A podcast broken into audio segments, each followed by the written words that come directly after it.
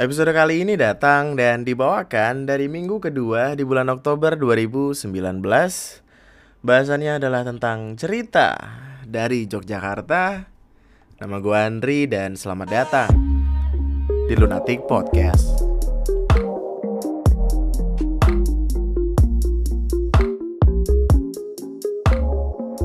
Selamat pagi, siang, sore, malam, kapan pun uh, lu ngedengerin podcast ini. Apa kabar? Semoga semuanya baik-baik aja. Semoga semuanya tetap seperti sedia kala.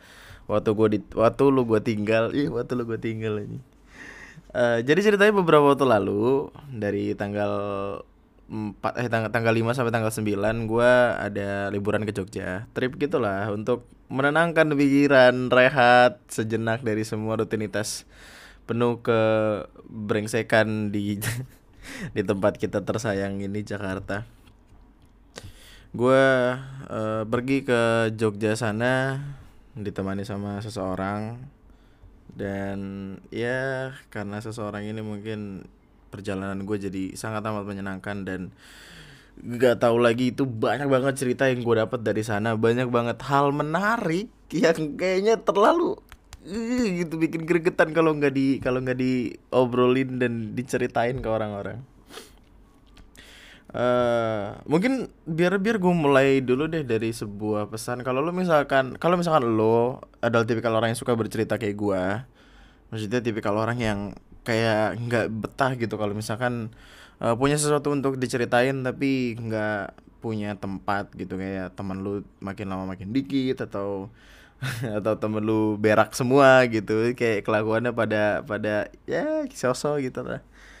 Uh, mungkin lu bisa ngikutin gua dengan ngebikin podcast juga dengan uh, menceritakan semuanya di podcast ikut komunitas podcast uh, ngobrolin tentang masalah perpodcastan dan mungkin salah satu salah satu aplikasi apps dan website yang paling bisa gue saranin ke lu adalah dengan pakai Anchor sih anchor.fm anchor.fm jadi buat siapa pun lo yang pengen banget ngebikin podcast itu gue saranin pakai anchor karena di situ gampang banget.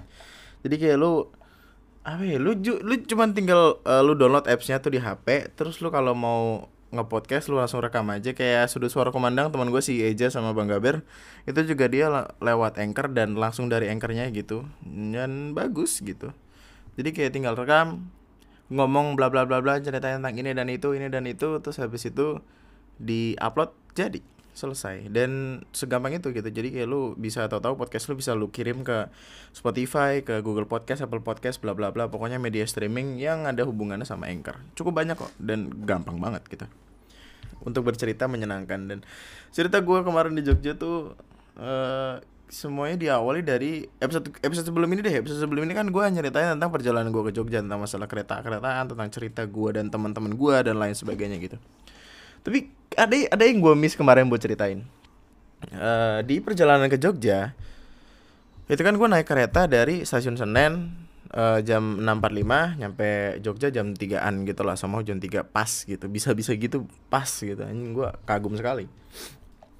Tapi yang bikin gua uh, cukup kesel di di jalan itu di jalan perjalanan berangkat itu adalah karena ada sekeluarga aduh kejedot pak. Udah keluar. Ada keluarga gitu. Keluarga ini ya mungkin bisa dibilang eh kita nggak gibah nggak apa-apa ya. Nggak nggak apa-apa lah keluarga ini bisa dibilang cukup tajir gitu tuh. Cukup cukup berada gitu. Karena gue ngelihat bapaknya tuh pakai sneaker pak. Ya allah. Jadi kayak dia pakai pakai skinny jeans warna putih. Eh chino chino warna putih. Pakai jaket apa sweater sweater sweater yang kelihatannya tidak murah tentu. Pakai jam gold gitu. Gue nggak tahu itu mereknya apa karena gue bego tentang jam. Jam gue aja 35 harganya dan dia pakai sepatu sepatu running skates atau eh, running sama skates beda pokoknya pakai sepatu bangsanya kayak Air Jordan atau apa gitu nggak tahu. Pokoknya sepatunya bagus banget gila parah fix. Itu kan kalau kita di uh, kereta eksekutif kakinya diselonjorin gitu kan terus di depan di belakang bang eh di di belakang bangku depan kita pokoknya di, di kaki tuh ada injekan gitu lah dan injekannya tuh kayak gue ngeliat wah anjing sepatunya bagus banget pak. Ya Allah ih merinding gue pengen punya rasanya. Dan uh, sepanjang perjalanan mereka tuh menceritakan cerita mereka gitu. Jadi gua gua sama si manusia berak nih kiri kanan. Di belakang gua ibu-ibu eh, eh di belakangnya si samping gue ini ibu-ibu di belakang gua anak kecil. Nah di samping kanan anak kecil yang mana itu udah beda beda sisi gua di kiri dia di kanan itu ada bapaknya gitu. Jadi satu keluarga tuh baris gitu meskipun nggak eh, apa ya nggak di satu de nggak di satu di tiga bak ya itulah pokoknya lah pokoknya ada ibu anak bapak belakang gua. Anjing pusing banget jelasin deh itu mereka bercerita gitu kayak ngobrol-ngobrol bener-bener ngobrol tapi kenceng banget ini tipikal orang yang nggak boleh masuk bioskop nih berisik banget orang-orang ini. Bisa lu kalau di bioskop gua cucuk-cucuk pakai sedotan ini sedotan minuman mahal. Waduh. Gua eh kan gua lagi tidur nih namanya di kereta kan lama gitu 8 jam gua mau ngapain lagi? Yaudah gue tidur aja lah gitu. Nah waktu tidur tuh si bocah kecilnya ini ngejeduk-jedukin pala di senderan kursi gua di senderan bangku itu bangku kereta. Jadi kayak pala gua tuh nget nget, nget, nget. ya Allah. Jadi nggak bisa tidur pak. Terus gua ngeliatin ke belakang terus si ibunya kayak ah maaf mas maaf mas. Ini adiknya adiknya nakal. Uh, adek jangan gitu. Adek jangan gitu. Jangan dijedot-jedotin pala jedot-jedotin kaki lu aja tendang dia gitu. Kayak bagaimana gitu. Eh terus dia berhenti tuh.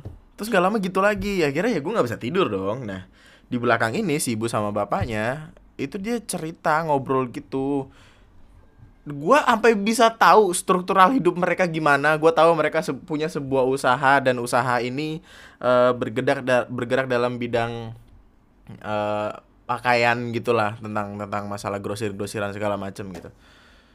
Si ibu ini ngomongnya tuh bener-bener apa ya bener-bener entah dia bikin seolah-olah orang harus tahu atau gimana tapi gue jadi jadi deretan cerita masalah mereka tuh gue tahu gitu sama perusahaannya gitu sama sama usaha mereka. Jadi kayak pak ini masa si si Milda Milda tuh masa begini gini gini gini gini gini gitu. Wah itu emang Milda tuh nggak beres tuh orang tuh. Masa kemarin saya gini gini, gini gitu. Iya Milda gini gini gini gini gitu. Tapi bagusan si Ina. Eh tapi kalau Ina sama Milda tuh masih bagusan Milda soalnya Ina kemarin tuh gini gini gini gini gitu tapi si Ina itu Ina itu dia nggak bisa ngerawat masalah ini gini gini gini Suai, suai, suai gitu. Kayak kayak kayak suara nyamuk tau gak lu? Malam-malam rumah lu banyak nyamuk terus ngangin-ngangin gitu.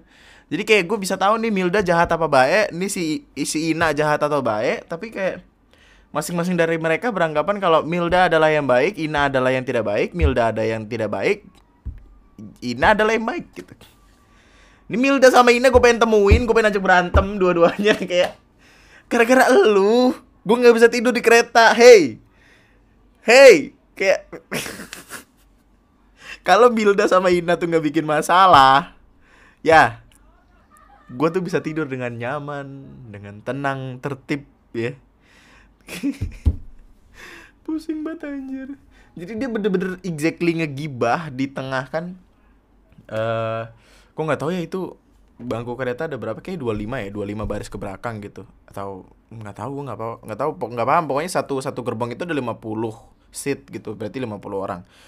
Eh dan gue ada di tengah posisinya tuh ada di tengah. Jadi si bapak-bapak sama ibu-ibu ini juga berarti di tengah gitu. Maksud gue adalah itu kan rame nih mohon maaf. Kereta kagak cuman buat bertiga doang.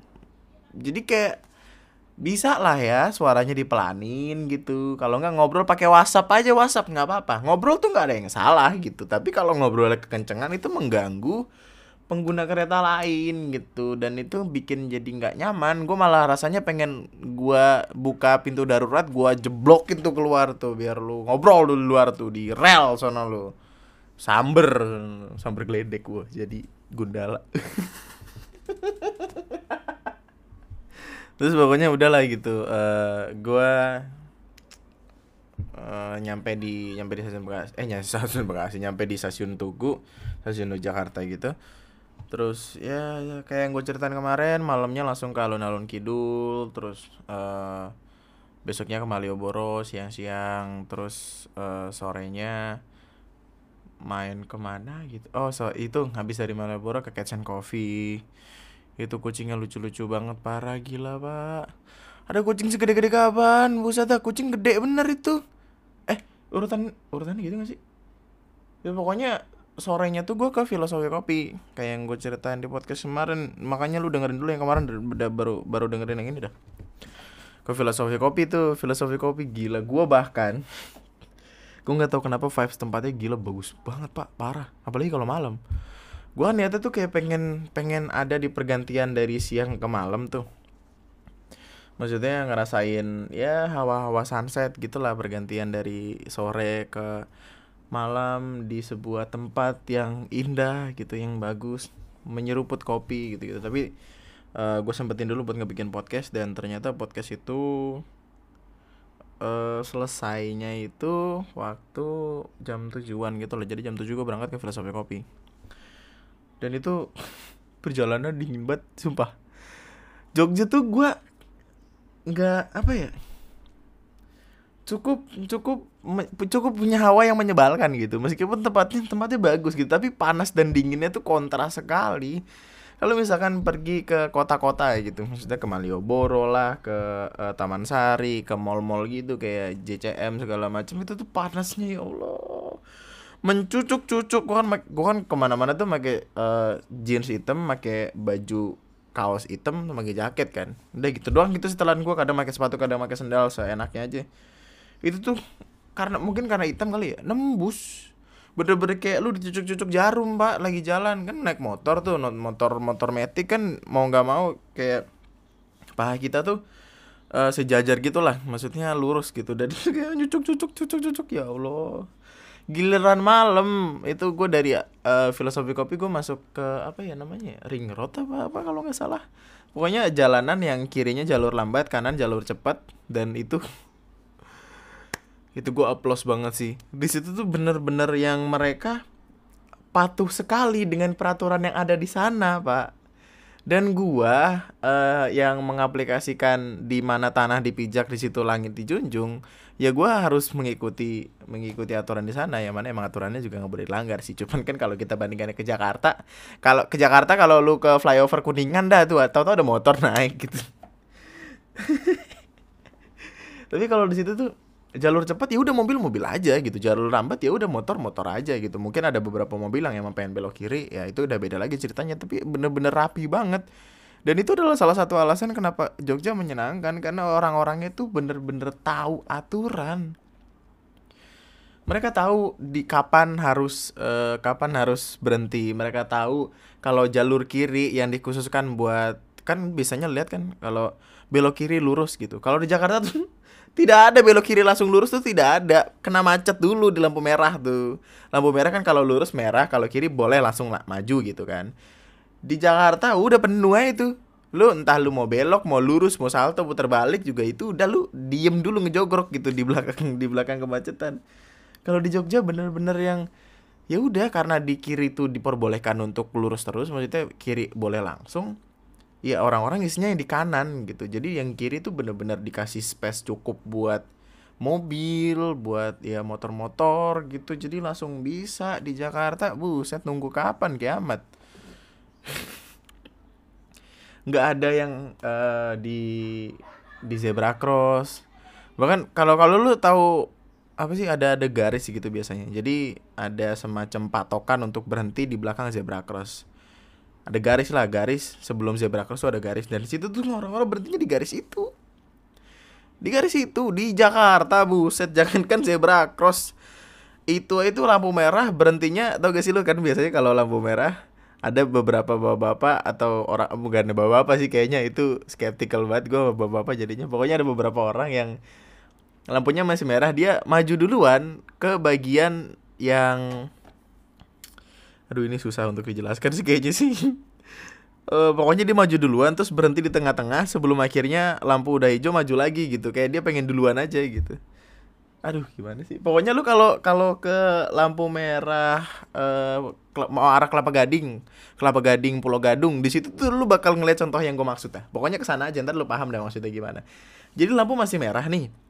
Dia maju dikit ke pertengahan supaya nantinya kalau udah hijau dia bisa duluan gitu atau supaya nantinya kalau yang dari arah dari arah kiri mau ke kanan itu udah merah dia bisa yang kayak langsung jus gitu lurus gitu ya pokoknya gitulah. Aduh pusing. Eh Indonesia zebra cross. Bodo amat zebra cross. Yang penting jalan. Gue berdiri di situ kagak ada masalah gitu. Uh, klakson juga kalem. Di sana tuh lampu merah. Nih gue memahami gue jadi memahami uh, apa faedahnya klakson ketika ada di Jogja. Klakson itu diciptakan untuk uh, sebagai pengingat gitu. Sebagai pengingat. Salah satunya ya kan klakson bisa buat tin tin tin, tin buat hati-hati buat mau nyalip segala macam. Tapi salah satunya adalah untuk mengingatkan orang depan kita kalau lampu itu sudah berubah hijau. Jadi kayak lampu masih merah nih diem anteng gitu tiba-tiba hijau. Terus ada orang yang kayak mungkin uh, belum ngegas atau lama gitu kita klakson pak udah hijau gitu jalan gitu. Di Jakarta tidak mungkin. Di Jakarta tuh klakson klakson di lampu merah adalah passion Ya. Ya. Jadi mereka tidak memperhatikan lampu merah, lampu baru kuning udah tantin tantin buruan maju anjing buruan gitu kan kayak.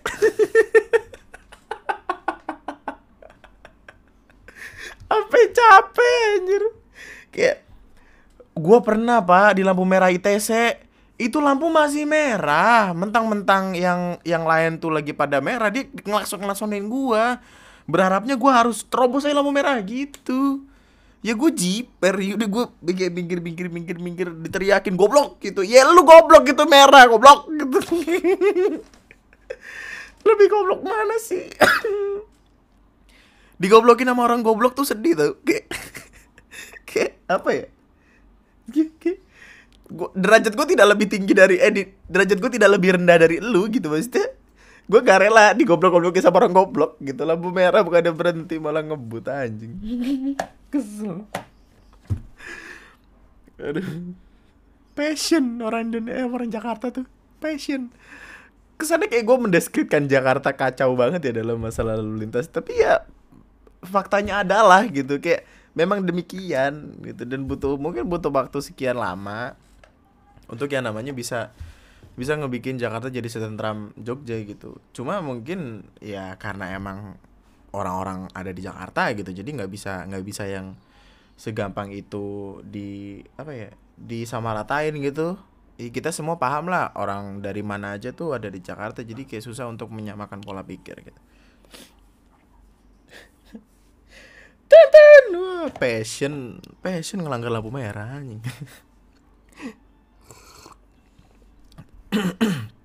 Oke, balik lagi ke Jogja jadi waktu itu jam 7 gue berangkat dan itu lewat gue nggak tahu tolong tolong beri gue kalau gue salah. Pokoknya itu se sedapatnya gue itu ring road gitu yang kiri dari lambat kanan jarum cepat gitu. Uh, dan itu dinginnya bukan main. Dinginnya ya allah gue tuh udah pakai jaket pak gue udah pakai jaket. Itu tuh masuk dari dari dari dari jari tangan. Oh jari jari tangan. Dari tangan pokoknya kayak merinding merinding disco gitu gitulah jadi kayak gimana gitu rasanya. Uh, terus nyampe di filosofi kopi. Dan yang lucunya adalah itu tuh sebelum di filosofi kopi ada uh, pocajang. Jadi eh buat lo yang belum tahu Pocajang, Pocajang itu kayak all you can eat yang sembilan puluh sembilan ribu gitu. All you can eat, pokoknya lah tempat makan yang lu bebas makan apa aja sampai lu luber-luber perut lu tuh. Itu ada di tengah hutan. Bisa dah. Ya emang tipikal bukan hutan banget sih karena itu tidak masuk terlalu jauh kayak lima menit dari pinggir jalan raya gitu. Cuma itu tuh bener-bener sekelilingnya ya kayak apa ya? Kayak emang bener pohon-pohon pohon-pohon gitu. Dan itu makanya kayak terpal gitu di atas. Bener-bener kayak ini pocajang anjing gue kaget. Anjing pocajang udah nyampe sini gitu. Dari depan gue gue ada debat sama Ara kan. Ya untuk apa gitu membuat sebuah tempat makan yang ada di situ dengan uh, dengan tidak adanya pemberitahuan atau billboard gede kalau ada pocajang di situ? Tahunya dari mana orang-orang? Terus waktu gue uh, waktu gue lihat di jalanan ada kayak poster pamflet uh, bukan pamflet apa sih kayak ya poster aja gitu. Mungkin ukuran eh uh, 60 kali 120 somehow nggak tahu. Ditaruh di pinggir jalan gitu doang pocajang gitu kecil. Ya Allah gue kagak tahu itu kalau ada pocajang situ. Terus yang gede gitu pak. Ya tolong nih manajer apa manajemen uh, Pocajang ini saya kasih tahu dengan baik. Karena orang-orang tuh jadi jadi jadi kurang terlalu tahu gitu. Ya mungkin mereka lebih pintar dari gue tapi ya udahlah. Di jalan tuh harus gedein mbak biar kita tahu nih ada Pocajang di sini gitu. Wah Jogja ada Pocajang gitu kan. Makan makan. Gitu Eh, jadi pokoknya di belokan itu gua ketemu Pecajang terus lurus lagi ketemu filosofi kopi. Dan damn tempatnya bagus banget. Bagus banget parah kacau salah satu cita-cita gua adalah pengen ke tempat filosofi kopi karena gua adalah salah satu penggemar berat mungkin film filosofi kopi dari zaman buku bahkan dari zaman bukunya uh, Dewi Lestari keluar itu uh, merinding rasanya tuh kalau baca semua kalimat-kalimatnya hmm, ada filmnya film yang filosofi kopi dua apalagi itu duologi yang cukup menyebalkan tuh dilihat karena gue nangis. Gue tuh iya pokoknya masalah sentimental tuh nggak nggak nggak terlalu masuk di gue karena ya gue selalu kayak takut untuk nonton lagi karena gue takut nangis gitu. Tempatnya tuh aduh gila parah sih. Itu tuh kayak buat buat yang belum sana ya gambarannya kayak kayak semacam sebuah uh, komplek perumahan kecil tapi rumahnya tuh gede. Jadi ah gimana sih ngomongnya kalau lu di Bogor mungkin lu pernah ngelihat yang kayak wisma wisma gitu deh. Ya kayak wisma wisma gitu. Dan itu tuh ada ada beberapa rumah lagi. Terus ada bangku-bangkunya di tengah. Terus ada yang tempat uh, tempat penyajiannya. Dan ya meskipun harganya cukup pricey tapi itu kebayar sih sama sama apa ya sama adanya tempat itu gitu. Maksudnya tempat itu sebagus dan sehebat itu ternyata. Jadi ya gue nggak tahu ya pikiran lu gimana tapi menurut gue pribadi ketika sebuah tempat itu sebegitu bagus kita jadi kayak merasa harganya oh worth it gitu. Soalnya tempatnya emang nyaman buat didatengin. Dan adem dan lampu-lampunya yang kayak uh, tau gak sih lu yang bola bulat gede gitu lampu kayak lampion apa sih namanya itu? Kayak Chinese New Year tuh selalu ada gitu yang bulat-bulat itu. Itu pas banget di sana dan gue apa yang ngomong sama Ara kalau gue bahkan rela buat terbang dari Jakarta ke Jogja cuma buat ke tempat itu doang. Bagus gila. Dan ya saya tidak ingin saya tidak ingin mereview apa apa karena eh itu red velvetnya enak.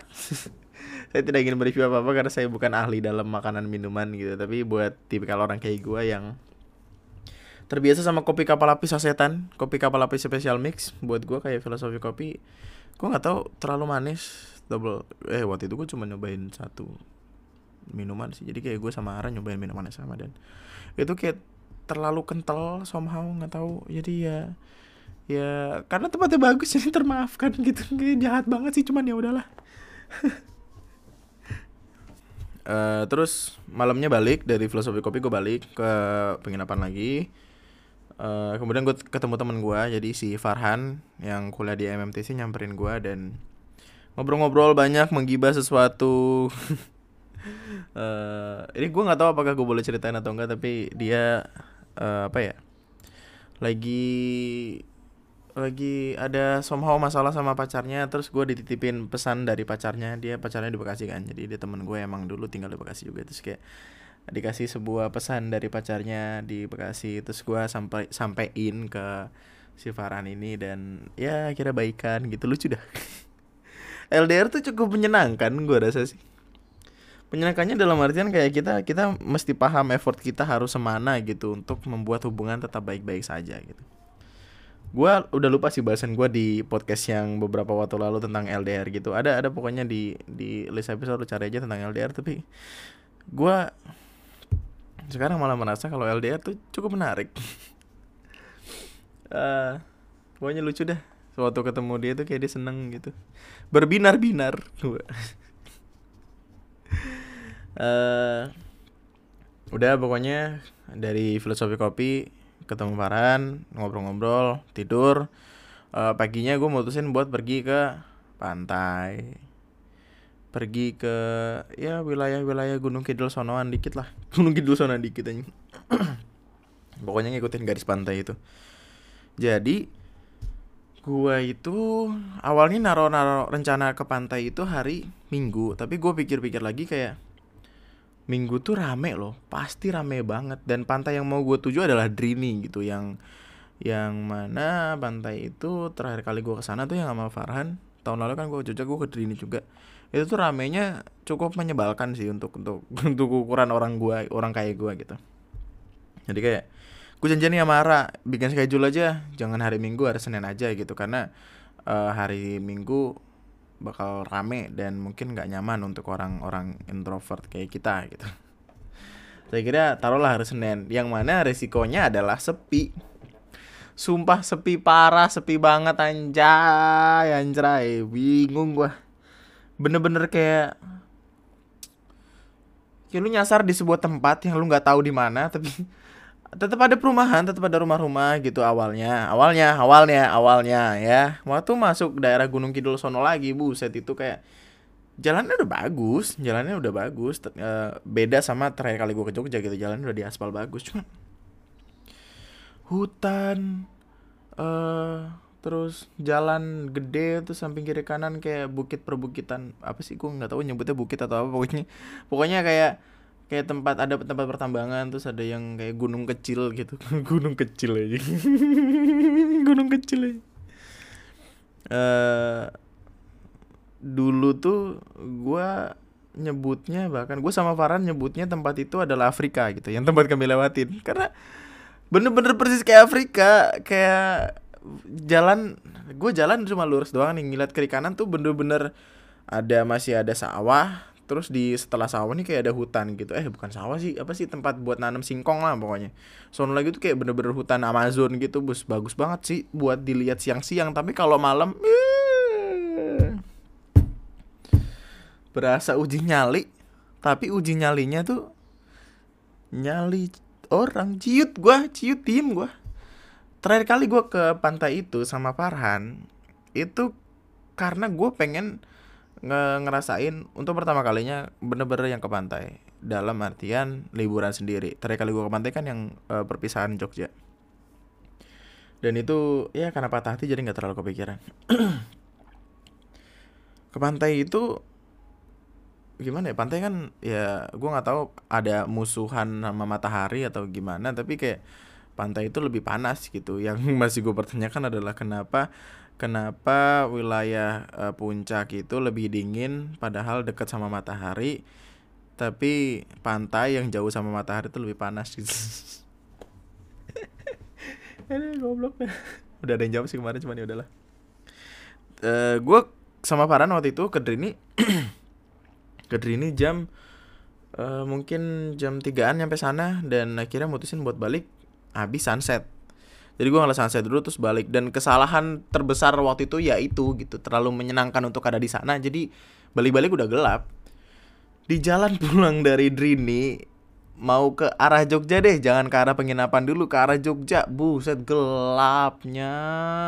Ya Allah Allahu Robi paringono sabar kuat selamat langgeng sentoso. Sekaring bauno langgeng jagat wasi saring batoro gusti. Gelap banget. Uh, dan kan jalanannya tuh bermacam-macam gitu. Ada yang jalan gede ada yang jalan kecil ada yang jalan meliak-liuk sampingnya pohon segala macam. Dan gak ada lampu waktu itu. Ya lampu waktu mau masuk wilayah perumahan adalah lampu gitu. Tapi waktu yang gue bilang lewatin jalan kayak Afrika itu lampu buset kagak ada. Acan kagak ada. Kami saking takutnya itu pengen berusaha buat nyari orang juga supaya kita bisa iring-iringan. Tapi setiap kali ada orang berusaha kita samperin dia cabut dia kabur dikiranya gue begal si anjing. Gue juga takut sama kayak lu hey hey. Dan itu tuh gue ngeliatin HP terus pak. Karena gimana ya perasaan kayak kayak ada perasaan seseorang ngeliatin dari belakang kayak perasaan ada sesuatu yang uh, di ruang lingkup lu tuh ngeliatin lu gitu. Dan itu tuh hi merinding banget. Gue nggak berani ngeliat kiri kanan. Bener-bener kagak kelihatan apa-apa. Kayak lu ditinggal kayak lu merem. Merem merem tapi yang nggak ada cahaya sama sekali. Udah gelap gitu. Gue tahu ini terdengar sedikit hiperbola gitu. Gue terlalu mungkin ini akan terdengar mengada-ngada tapi gue nggak bohong. Bener-bener semenyeramkan itu. Makanya itu jadi pelajaran buat gue kayak jangan lagi pulang uh, malam-malam kalau mau atau dari arah pantai.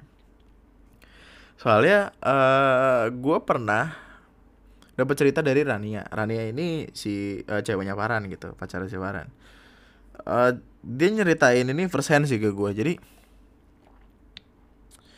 Rania ini dulu pernah ke Jogja gitu sama seseorang lah sama ada, ada lah orang gak asik ini kagak ada yang demen sama si cowok ini brengsek berak lah gitu pokoknya lah. Aduh ntar gue diomelin gak ya? Pokoknya dia sama orang lah gitu lah ya. Orang ini uh, dia ya Rani sama orang lah. Dia terus ke pantai Indrayanti. Dari pantai Indrayanti uh, itu karena udah kesorean jadi setelah setelah ngeliat sunset pokoknya maksain buat ngeliat sunset akhirnya dia balik. Balik uh, dari Indrayanti mau ke Jogja. Di perjalanannya itu ternyata tiba-tiba uh, ada sesuatu yang tidak bisa dijelaskan oleh nalar gitu. Pulang kan mereka pakai Waze ya pakai Waze. Jadi udah ngikutin Waze aja gitu. Dan gue nggak tahu kata Rani itu dia bilang kalau uh, dia tuh kayak ngerasa menjauh gitu loh kayak merasa dibawa ke tempat yang kayak jurang gitu. Dia ngelihat di di bagian kirinya tuh bener-bener kayak jurang dan ada kuburan di sana gitu. Kuburan itu kayak berjejer banyak gitu. Dan dia tuh makin jauh makin jauh gitu. Rania tuh sampai nggak berani ngelihat kiri kanan ngeliatinnya HP doang. Terus uh, karena karena dia nggak enak gitu. Mungkin gue nggak tahu nggak enak atau saking takutnya dia nggak berani ngomong sama orang yang ada di depannya yang bawa motor gitu. Uh, waktu dilihat di Waze kan itu benar-benar ngikutin Waze kan? Waktu dilihat di mapsnya merah. Merah tandanya macet dong. Harusnya macet dong. Jadi dia kayak harusnya ada ada kemacetan lah gitu di West itu. Tapi waktu dia tuh nggak ada siapa-siapa nggak ada apa-apa. Bener-bener cuma mereka berdua doang di jalan itu. Dan yang bikin gua merinding lagi adalah waktu dia cerita kayak gitu ternyata uh, makin lama dia sadar makin lama dia sadar kok kedengaran suara ombak gitu kata dia. Kok ombaknya makin kenceng? Dan ternyata dia dibalikin lagi ke tempat di mana dia tadi berangkat jadi kayak dia pergi muter kayak dibawa muter-muter muter-muter terus balik lagi ke tempat di mana dia dia tadi mulai gitu di pantai Indrayanti. Buh, itu gua kayak Ih, dia nyeritain gue nyampe merinding-merinding gitu tuh. Disasarin sama setan, setannya ngehack pakai waze bang, setan anjing goblok. setannya udah julusan IT, udah udah versi Gox itu gila jauh banget pikiran nih setan gaul setan gaul. Makanya setelah dengar ceritanya si uh, Rani ya gue kan gue kan di situ sama Ara kan ke ini sama Ara. Itu gue pengen ceritain ke Ara gitu. Ara kayak ini serem gak nih? Kalau serem nanti aja nanti aja di pantai. Waktu di pantai udah nanti aja nanti aja di penginapan di rumah di rumah di mana gitu. Jangan di sini jangan di sini. Gitu. Takutan sendiri.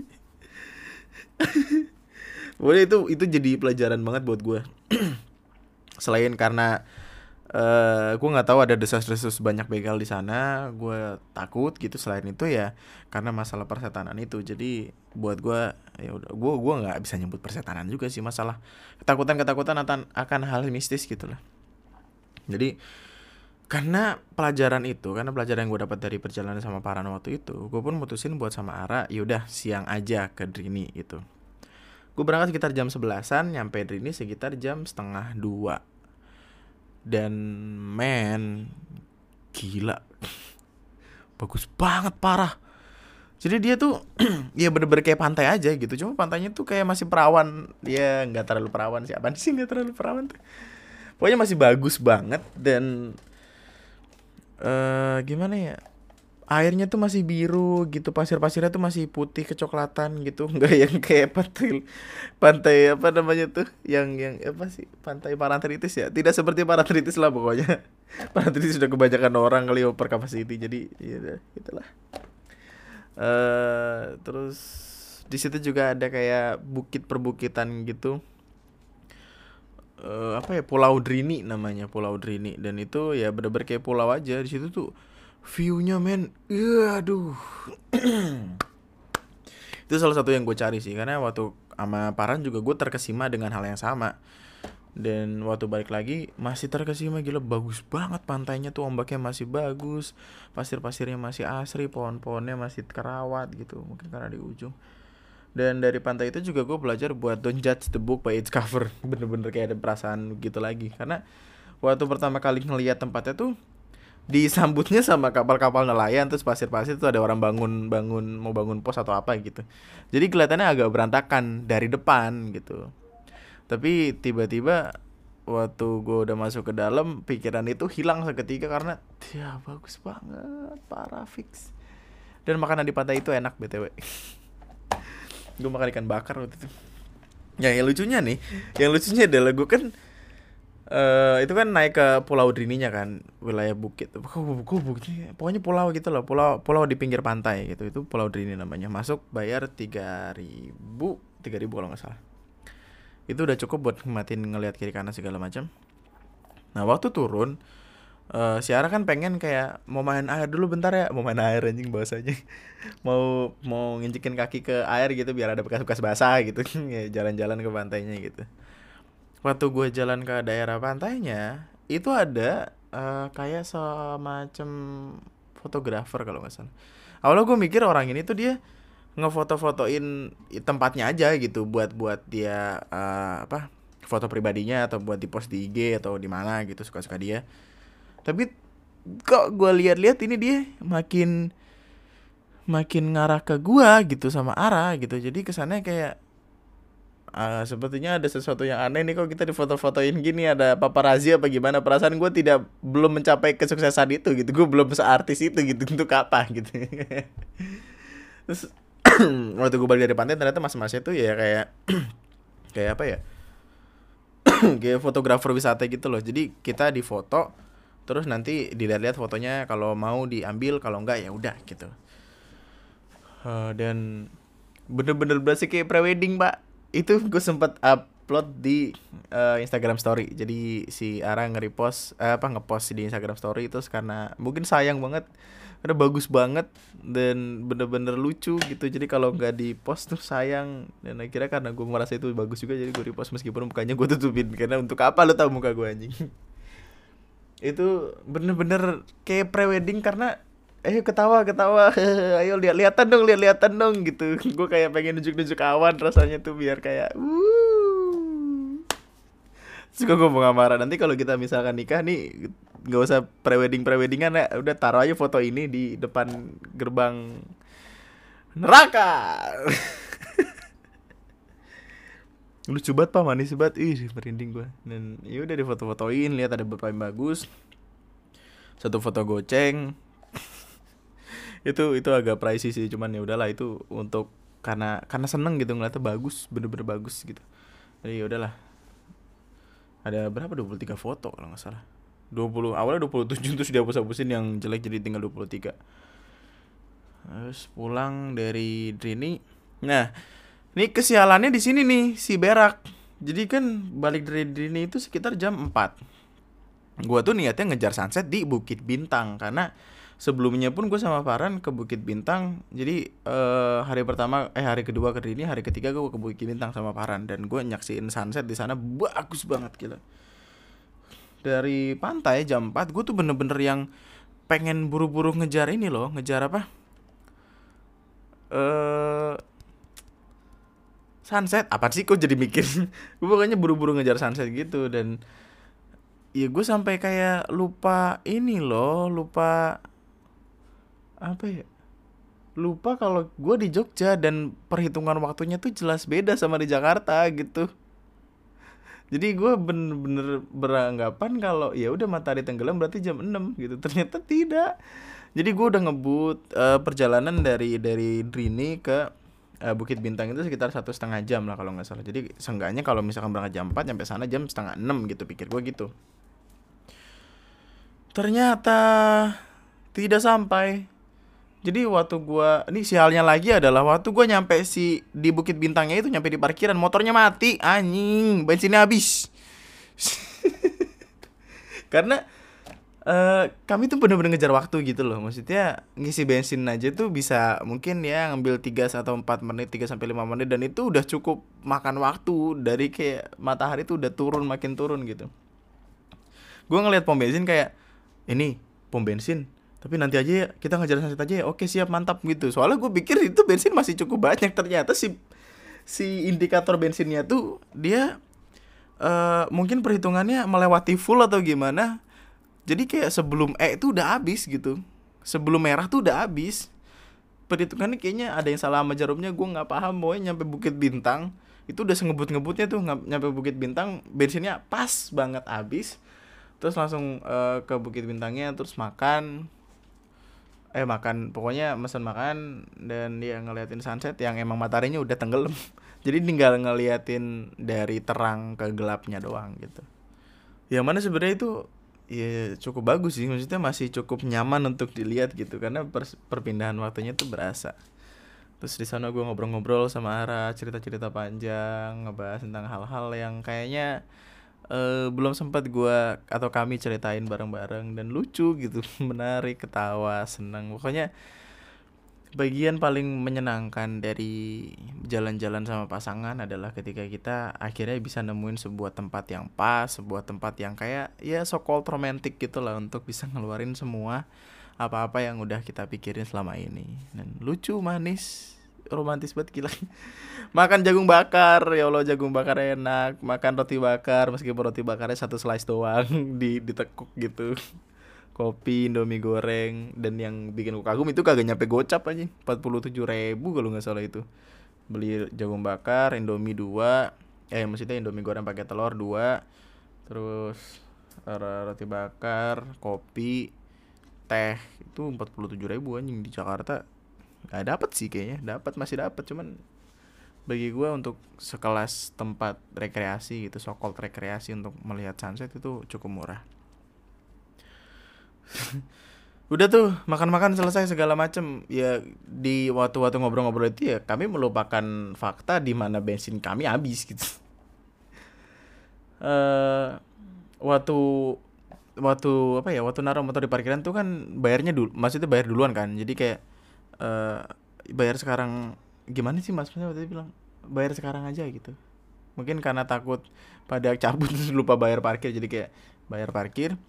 Terus gue nanya sama bawa parkir apa ini di bawah kira-kira ada pom bensin nggak pak ya? Soalnya bensinnya habis gitu. Sebab bapak-bapaknya bilang dengan pede banyak kok di bawah eceran sih banyak gitu. Banyak banget gitu. Gua dengan kalimat itu begonya langsung percaya itulah alasan kenapa apa itulah apa ya bukan ya alasan kali itulah alasan kenapa kita tidak seharusnya percaya sama orang begitu saja. Dari parkiran gue langsung ya namanya bensin habis kan mau gimana lagi gitu. Beruntungnya jalanannya tuh kayak bener-bener uh, kayak kayak di puncak tuh guys lo? Jadi ya dari tinggi ke rendah gitu. Jadi kayak nggak perlu nggak perlu nyalain motor tinggal tinggal ngendari ngendara ngendarain terus pakai rem reman bisa gitu cukup jauh. Dan tidak ada parkir eh tidak ada tempat bensin eceran tidak ada. Ditipu dibohongin sama bapaknya sialan mana ada banyak kagak ada banyak kagak ada. Udah mah lampu mati yang nyala cuma lampu rem doang. Uh, motor mobil banyak dari belakang jiper panik. Itu mungkin berapa kilo? Mungkin 5-10 kilo nggak tahu. Pokoknya cukup jauh jauh. Itu tuh dari atas nih sampai ke bawah sampai deket pos polisi. Di pos polisi gue uh, bener-bener yang udah nggak bisa nggak bisa nggak bisa jalan dengan kekuatan dorongan dari atas ke bawah jadi gue dorong romantis banget pak. Ya romantis sekali dari Jogja jauh-jauh dorong motor sialan aja. Dorong motor tuh gue nyari eceran. Uh, ya gue takutnya sih waktu ketemu sama ecerannya ntar dia nyanyi ya kan? Eceran eceran eceran. Ya. Pokoknya itu ya jalan cukup lama mungkin 10-15 menit terus kayak wah itu pembensin apa bensin eceran gitu. Uh, sialnya lagi itu kegoblokan gue di situ kayak jadi kan kami namanya dari arah uh, kiri jadi gue minggir ke kiri kan ternyata bensin eceran itu di bagian kanan gitu di kanan jalan di gue nyebrang. Nyebrangnya gue lewat zebra cross anjing. Dorong dorong motor lewat zebra cross coba lu bayangin. Orang-orang pada heran ini kenapa orang? Gitu kan. Isi bensin. Ternyata uh, waktu si bensinnya ini lagi di apa lagi diisi ada suara goclak-goclak. Ada suara masih ada suara goclak-goclak dikit. Terus gue kayak hmm, tadi perasaan di starter kagak nyala dah. Dan setelah diisi bensin pun starternya tetap nggak bisa nyala. Cobalah di sela-sela gitu. Nyala sialan sekali. Itu jadi kayak gue pikir ini jangan-jangan motornya kagak habis bensinnya dah. Kayaknya emang nggak bisa di starter doang si anjing gue panik. Tapi ya udahlah kita berpikir positif kalau bensinnya memang habis gitu. Saya tidak ingin menyesal menyesali sesuatu yang sebegitunya bangsa jadi ya udahlah. Uh, abis dari itu balik lagi ke penginapan capek segala macem terus tidur istirahat. Gue niatnya pengen bikin podcast lagi waktu itu cuman kayak ah capek banget anjir. Perjalanan aja itu udah 4 jam sendiri kali. Dua jam dua jam Uh, belum lagi motornya pantat gua sampai kayak kagak berasa anginnya busu gitu ke muka dingin juga. Dan wilayah Gunung Kidul juga mungkin asiknya di situ sih. Jadi kayak kalau mau ke Jogja tuh mau ngerasain adem ya udah ke wilayah wilayah Gunung Kidul gitu. Ini meskipun siang adem itu bagus banget sih. Uh, itu kan uh, hari pertama gue ke eh malam malamnya kan ke alun-alun kidul. Terus besoknya Malioboro Kitchen Coffee Filosofi Kopi. Nah terus hari Senin ke Pantai Drini Bukit Bintang. Uh, besoknya itu hari ke berapa tuh? Hari ketiga berarti ya? Apa hari keempat? Hari keempat nih. Nggak tahu gue lupa. Pokoknya di hari terakhir itu gue nonton Joker. Anjing jauh-jauh ke Jogja nonton bioskop. Mantap kalem kita hidup ya Japaran waktu itu uh, lu nonton Joker belum? Nonton yuk gitu. Ya udah akhirnya kami nonton di Jogja City Mall. Uh, dan ya Joker gue apa ya bisa dibilang adalah salah satu salah satu film yang paling relate sama kehidupan orang-orang. Kalau lo nyari sebuah film he super superhero atau film uh, villain gitu kayak si kemarin apa ya apa sih namanya yang musuhnya si Spider-Man Venom. Bukan kayak Venom bukan buat film superhero gitu. Tapi kayak lebih tepatnya ya sebuah film yang yang psychological banget gitu. Dan gila bagus banget pak. Parah. Orang bilang ketawa itu menular gitu sebenarnya. Orang bilang tuh ketawa menular. Tapi ketika gue ngelihat orang ketawa ngelihat si Arthurnya ini ketawa nangis sedih. Dan banyak plot twist di cerita ini banyak hal-hal yang yang ya cukup mind blowing dan gue nggak tahu sih banyak orang di luar sana yang bilang kalau kalau lu punya mental illness hati-hati nonton film ini karena film ini tidak tidak tidak hanya tentang uh, gimana ceritanya tidak hanya tentang gimana lu nontonnya tapi gimana mood lu keadaan mood lu waktu nonton itu. Karena bisa mempengaruhi segala macam gitu lah. Bagus bagus. Di IMDb aja tuh eh IMDb anjing gue kayak bau eh bahasa Inggris dong di IMDb aja tuh iya. Di IMDb itu skornya kalau nggak salah 9 deh. Soalnya waktu premier aja itu ada standing applause sampai 8 menit. Tuh ada oh gila. Gue tuh kayak gila kagum sekali. Bagus lah kacau. Lu kalau belum nonton nonton dah mendingan. Terus uh, abis dari situ gua pergi ke sate kelatak Pak Pong. Cukup jauh. Cukup jauh tapi uh, rasa keenakan satenya tuh mengalahkan letihnya berjalanan gitu. Jadi itu tuh bener-bener kayak tempat sate gitu gede banget. Dan satenya sate kambing kalau kata Farhan tapi gue nggak tahu gue nggak bisa bedain kambing sama sapi. Kayak kambing bener kambing dah sate kelatak itu uh, lu bisa koleksi kalau gue salah tapi ya sepengetahuan gue sate kelatak itu adalah sate yang ditusuk pakai jari-jari jari-jari kayak jari-jari sepeda gitu loh dan itu satu porsi dapat dua tusuk jari-jari dua puluh empat ribu. Gue kira kan kayak gue mikirnya anjing dua puluh empat ribu. dua puluh empat ribu dapat dua tusuk. Apa nih? Gitu kan. Terus akhirnya kayak yaudah beli beli dua porsi gitu. Waktu datang uh gede-gede banget pak. Tidak tidak ini tidak salah ini harganya benar ini apa ini gede-gede sekali anjing biasa makan sate. Biasa kita makan sate berapa sih? Uh, tiga satu tusuk itu ada tiga daging kan pertama tuh daging layar pertama daging layar kedua gaji biasanya ya kan? Layar ketiga daging tapi kecil ya gitu. Di sate kelatak tidak begitu.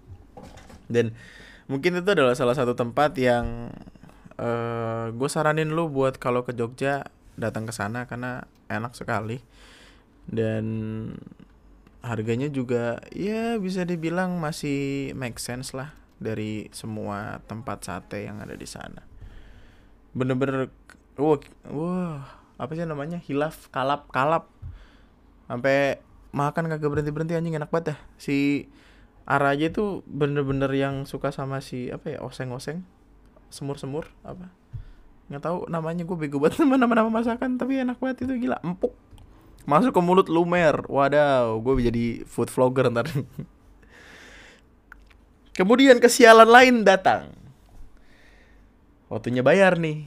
Ya waktunya bayar nih. Ngeliat tas. Loh kok dompetnya tidak ada? Ke mana ya kira-kira? Balik ke bangku.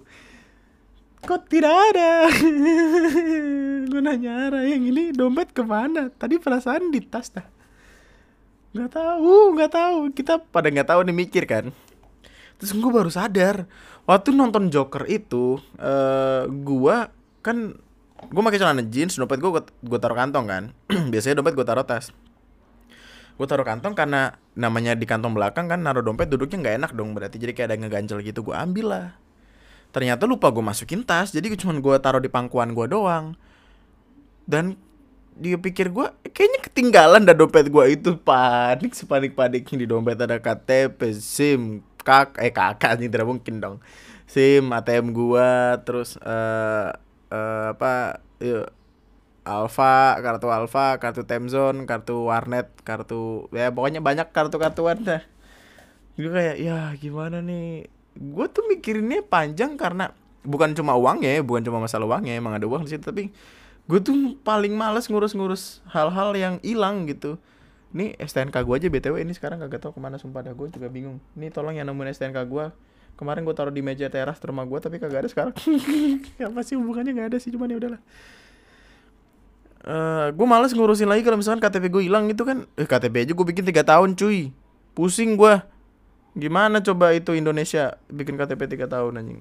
Terus ada SIM juga. Ya Allah pusing dah. Terus uh, karena kan gue nontonnya sama Farhan dan kos kosan Farhan ini di belakang eh kos kosan temennya Farhan di belakang JCM Jogja City Mall uh, gue nelfon lah Farhan. Han. An sampai kayak kayak sedih gitu. An gimana nih an dompet gue ketinggalan. Ketinggalan di mana? Di bioskop. Di bioskop mana? Tadi kita duduk. Lu mantep juga ya hidup lu di gitu ada lu mantep juga ya hidup lu. Saya kira Farhan ngecek uh, ke bioskopnya. Itu gue lagi otw pulang. Dan masalahnya tuh paniknya adalah awalnya gue pikir kayak anjing bayar gimana nih makanan? Wadaw gitu kan. Udah sate kalap makannya banyak tidak bisa bayar disuruh nyuci. Gue nyuci tempat-tempatnya. Itu ngarah masih ada cash waktu itu jadi kayak ah terselamatkan. Memang harus begini kalau pergi-pergi. Biar bisa ada backup bayarin aja uh, terus Farhannya ngecek ke bioskop ditanyain ke securitynya ternyata ada Uh, itu di jalan tuh yang awalnya gue kayak sampai sampai manyun, monyong sedih-sedih gitulah. Karena dari dari sate kelatak Papong ke JCM itu sekitar 40 menitan kalau nggak salah. 30 30 menit, 40 menit, gue lupa. Dan itu cukup lama untuk gue menyesali perbuatan gue. Waktu dapat kabar dari Farhan, ada kok gitu. Alhamdulillah gitu akhirnya ya udahlah udah tenang gitu. Eh, ke JCM ngomong sama security mallnya bla bla bla bla bla bla bla ini itu ini itu. Kembali lagi lah tuh dompet. Selamat aman aman. Tuh. Hmm. kebegoan gue kayaknya di tempat orang tuh masih bego gitu gue bingung dah. Terus habis dari situ langsung ke Malioboro. Karena itu kan malam terakhir di Malioboro besoknya balik kan. Uh, jam sembilanan kereta. Kereta jam 8.57 ingat gue jadi malamnya tuh uh, ke Malioboro untuk beli oleh-oleh atau sekedar beli beli jajan-jajanan buat dibawa pulang ke rumah.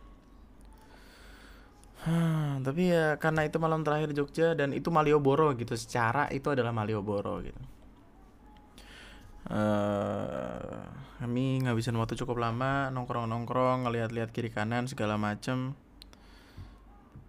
Dan beli-beli barang. Dan nih ini gue bete-nya gini nih pak. Nih kan kan gue uh, beli baju kayak Jogja Jajan gitu tau gak sih lu? Yang kiri kanan apa kiri kanan lengannya tuh robek-robek terus yang di bawah bajunya juga robek-robek. Bukan robek-robek sih lebih kesannya kayak dibikin brudul-brudul gitu. Brudul-brudul anjing orang Jawa tuh paham tuh brudul-brudul uh, gunanya ada mbak-mbaknya gitu. Jadi uh, di depan rukonya tuh kayak ada yang di di jajar-jajar gitu jamreng gitu. Uh, ini berapa mbak? Oh ini 104 mas gitu. Nggak bisa kurang. Ah itu aja udah murah kok gitu. Ya udah. Yaudah oke okay, 104 Gue pilih nih bagus bagus bagus bagus gitu. Ambil lah dipastikan sama dia. Tiba-tiba Ara Ara ketawa-tawa. Kayak Ada apa nih dia ketawa-tawa nih? Kayaknya gue mencurigai sesuatu nih gitu Terus dia nunjuk Jadi kan ini di Ya gue belinya di depan ruko ini kayak ada ada yang jualan lagi Nah di ruko itu ada yang jualan dengan baju yang sama, exactly sama, warnanya sama, digantung depan itu ada tulisannya gede 19.900. Jadi kalau gua nggak beli di mbak-mbak tadi, gua belinya di ruko aja itu gua dapat 5. Ya Allah. Ya Allah, karmanya cepet banget. Itu baru beberapa hari lalu gue ngata-ngatain dia tuh gara-gara dia beli beli goodie bag. Beli goodie bag enam puluh ribu ditawar jadi lima puluh ribu. Udah seneng kan karena berhasil nawar gitu. Ternyata waktu jalan beberapa beberapa meter gitu ada tas yang sama exactly sama. Ada tulisan karton di atasnya dua puluh lima ribu. Dia sedih langsung duduk terdiam. Memikirkan kebodohannya yang sangat luar biasa itu menyesali itu teramat sangat. Terus kemudian besoknya beberapa hari kemudian gue hadir dengan karma yang sama. Ya allah sedih banget gue anjing. Karmanya cepet banget sih Alan. pelajaran lagi ya. Gue ingetin lagi nih. Kemarin gue udah bilang tapi gue pengen ngomong lagi. Pelajaran kalau misalkan lu belanja di tempat-tempat tuh cek cekin dulu itu barang-barang harga-harga segala macem nah kalau lo yakin depan sana tuh udah nggak ada yang lebih murah lagi baru lu balik itu mungkin itu strategi cewek kali ya biar biar paham sama harga. Aduh itu nyesel banget sih gila parah. Masalahnya depan mata pak. Dan gue bisa nggak nggak kelihatan maksudnya nggak ya Allah. Ada nah, pokoknya gitu deh udah. Eh, nggak uh, megang cash lagi kan. Awalnya tuh pengen ke angkringan gitu cuma karena nggak ada cash ya udahlah balik ke hotel balik ke penginapan terus uh, Paran datang Paran ngajak-ngajak ngobrol lagi karena itu kan hari terakhir. Jadi kayak udahlah saya kasihin gitu ngobrol sama Paran. Terus go food angkringan. Dan angkringan anjing enak murah lagi. Ah emang Jogja angkringannya tuh the best of the best lah. Dua ribu pak. Enak nasi kucingnya. Uh, sate sate kulitnya juga enak khusus telur terus ada kepala eh ada kepala iya kepala ayam lehernya tuh. Ceker hmm, gue bisa hidup dengan cuma ya mungkin ceban ceban di Jogja dan tetap kenyang. Pengen gue Jakarta kayak gitu. Akhirnya setelah ngobrol-ngobrol itu tidur terus bangun uh, dan balik ke Jakarta. Yang ngebikin pulang gue jadi sentimental adalah karena uh, itu kan penginapan namanya Wayang Homestay. Gue sekarang baru ngasih tahu karena takutnya ntar tiba-tiba bikin podcast di sana ada yang datang serem kan jadi uh, nama penginapannya itu Wayang Homestay itu cukup terjangkau bahkan ya tidak mahal-mahal, cuma di bawah 200 gitu lah. Ada wifi, ada ada air hangat, ada TV pasti, ada sarapan juga tiap pagi dan sarapannya beda-beda. Hospitality-nya itu loh bener-bener penjamuannya tuh kayak kayak kita kita tuh kayak nggak lagi nginep kayak kita lagi pulang ke rumah saudara gitu. ada namanya Mas Jack sama Mas Trisna. Uh, nyaman banget ada di sana diajak ngobrol sarapannya enak gitu dan tiap pagi beda-beda. Uh, kopi 24 jam bisa dibikin teh juga terus ada aqua eh aqua ada dispenser panas sama dingin gitu. Jadi kalau misalkan gue tengah malam kebangun gue bisa yang kayak keluar ngerokok bikin kopi gitu gitu dan waktu pulang tuh kayak ngerasa sedih gitu karena tempatnya nyaman suasananya bagus manis gitu loh ada manis di setiap sudutnya. Dan ya itu gue nggak heran sih tempat itu dapat dua penghargaan di Traveloka. Awalnya gue tertarik karena rate-nya bagus 9 pak. Untuk sebuah homestay ini uh, rate-nya 9 9.0 apa berapa kalau nggak salah. Bagus banget gila. Dan ya pulang terus nih ada.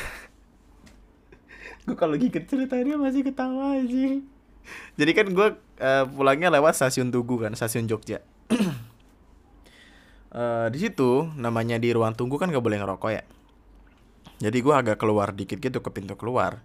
Di pintu keluar itu ada tiga bapak-bapak lagi ngobrol.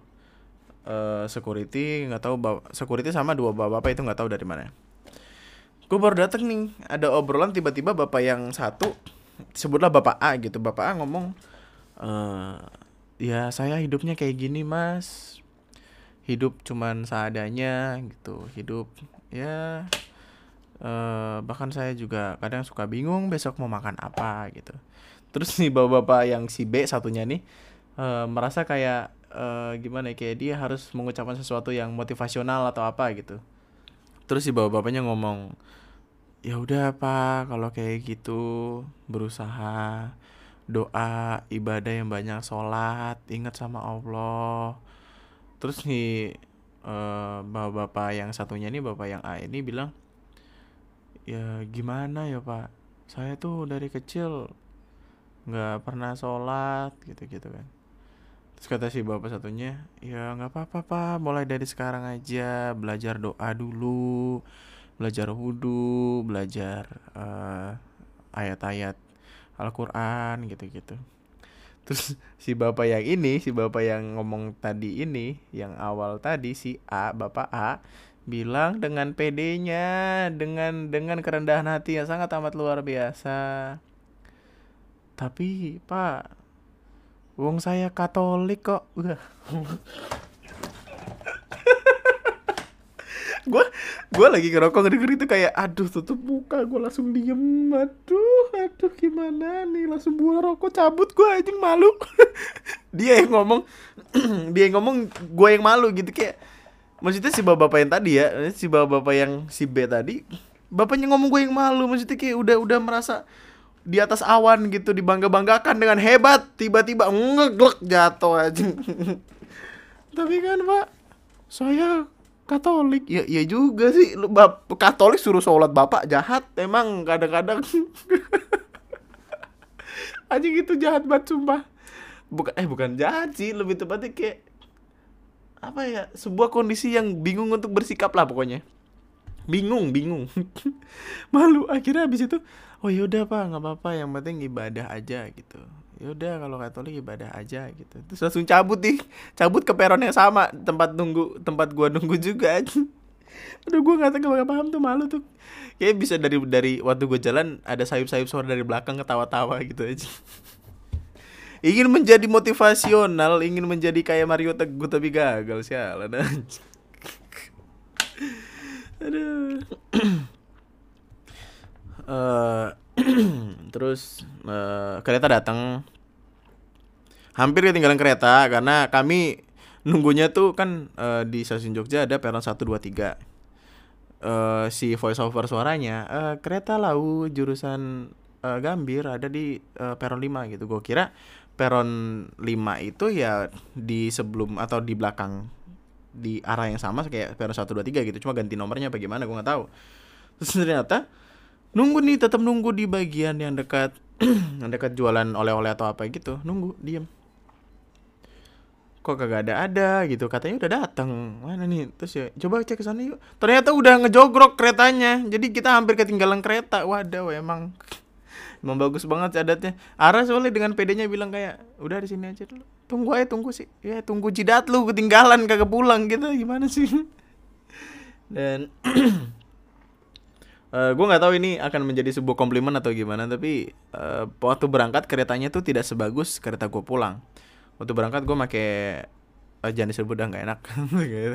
Masa gue nyebutin kejelekan kan nggak enak. Pokoknya argo lau yang gue pulang tuh lebih bagus gitu. Jadi kayak uh, di bangkunya ada gantungan di kereta sebelumnya nggak ada gitu. Kereta gue berangkat nggak ada gantungan. Terus casan mah ada casan ada. Buat incekan kaki ada. Tapi yang di lau tuh uh, ada yang dari dari pegangan kanan itu ada yang buat meja gitu buat makan gitu. Terus kamar mandinya juga bagus. Kamar mandinya ya lebih proper lah gitu dibanding dari yang berangkat. Yang berangkat tuh kayak kamar mandinya buset dah bau. Hmm nih Bantar Gebang ke bawah-bawah nih ke sini nih. Gimana nih? Bantar Gebang naik kereta. Gitu. Mungkin kayak gue kalau berangkat atau pulang gue bakal naik lawu lagi. Yang itu sebelumnya nggak ada. Capek. Harganya juga lebih murah bahkan lebih murah dua puluh ribu. Menyesal langsung anjing. Soalnya yang beliin tiketnya tuh arah gitu gantian. Gue yang beliin tiket berangkat dia beli tiket pulang. Dan ya gagal gue anjing lebih bagus ya tiket pulang sialan di kereta cuma tidur tidur main game main hp gitu-gitu segala macam. Dan tahu-tahu ya sampai Jogja. Eh sampai Jogja sampai Jakarta. Sampai Jakarta juga pulang langsung disambut kemacetan. Langsung disambut sama semua hal-hal berak yang ada di jalanan gitu kayak macet panas rame orang teriak-teriak. Gue sampai sampai ngomong kan gue dijemput sama Windu tuh waktu itu. Uh, di lampu merah nih yang gue kan lewat lampu merah kelapa gading tuh. Dan omongan gue sama Windu kayak nih di, di Jogja kagak ada begini nih. Gue yang orang Jogja tersinggung nih. Gitu kayak langsung. Ada apa nih? Motor kok di zebra cross? Gitu gitu kayak perbandingannya jomplang jauh parah gila. Passion passion berdiri di, di zebra cross anjing. Ah terus ya udah nih nyampe rumah. Nyampe rumah gue tidur seharian. Biasanya nggak ngapa-ngapain terus baru besoknya lagi bikin podcast ini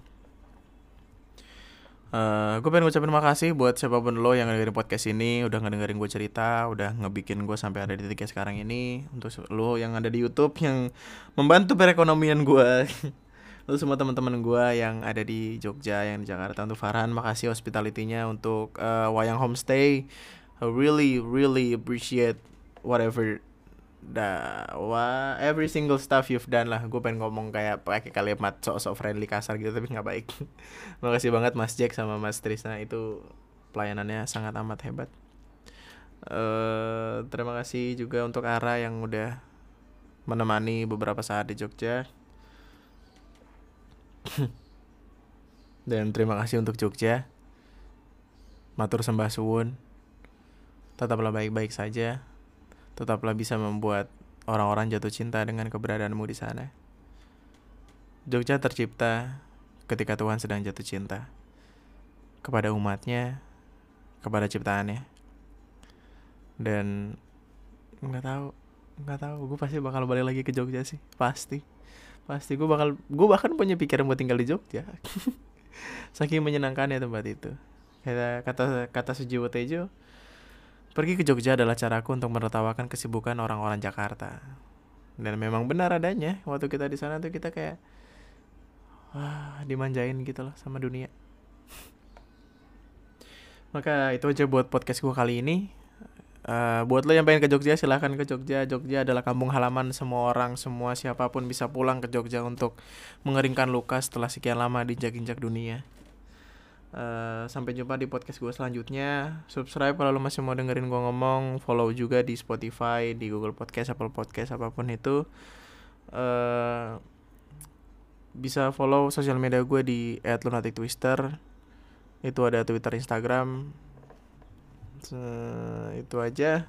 Tetaplah bahagia, tetaplah baik-baik saja. Nama gue Andri Sekian dan Jogja, Jogja tetap istimewa. Istimewa kotanya, istimewa orangnya. Yuk! Aduh. Gue masih penasaran sama bapak-bapak yang itu dah Dia gimana nasibnya sekarang ya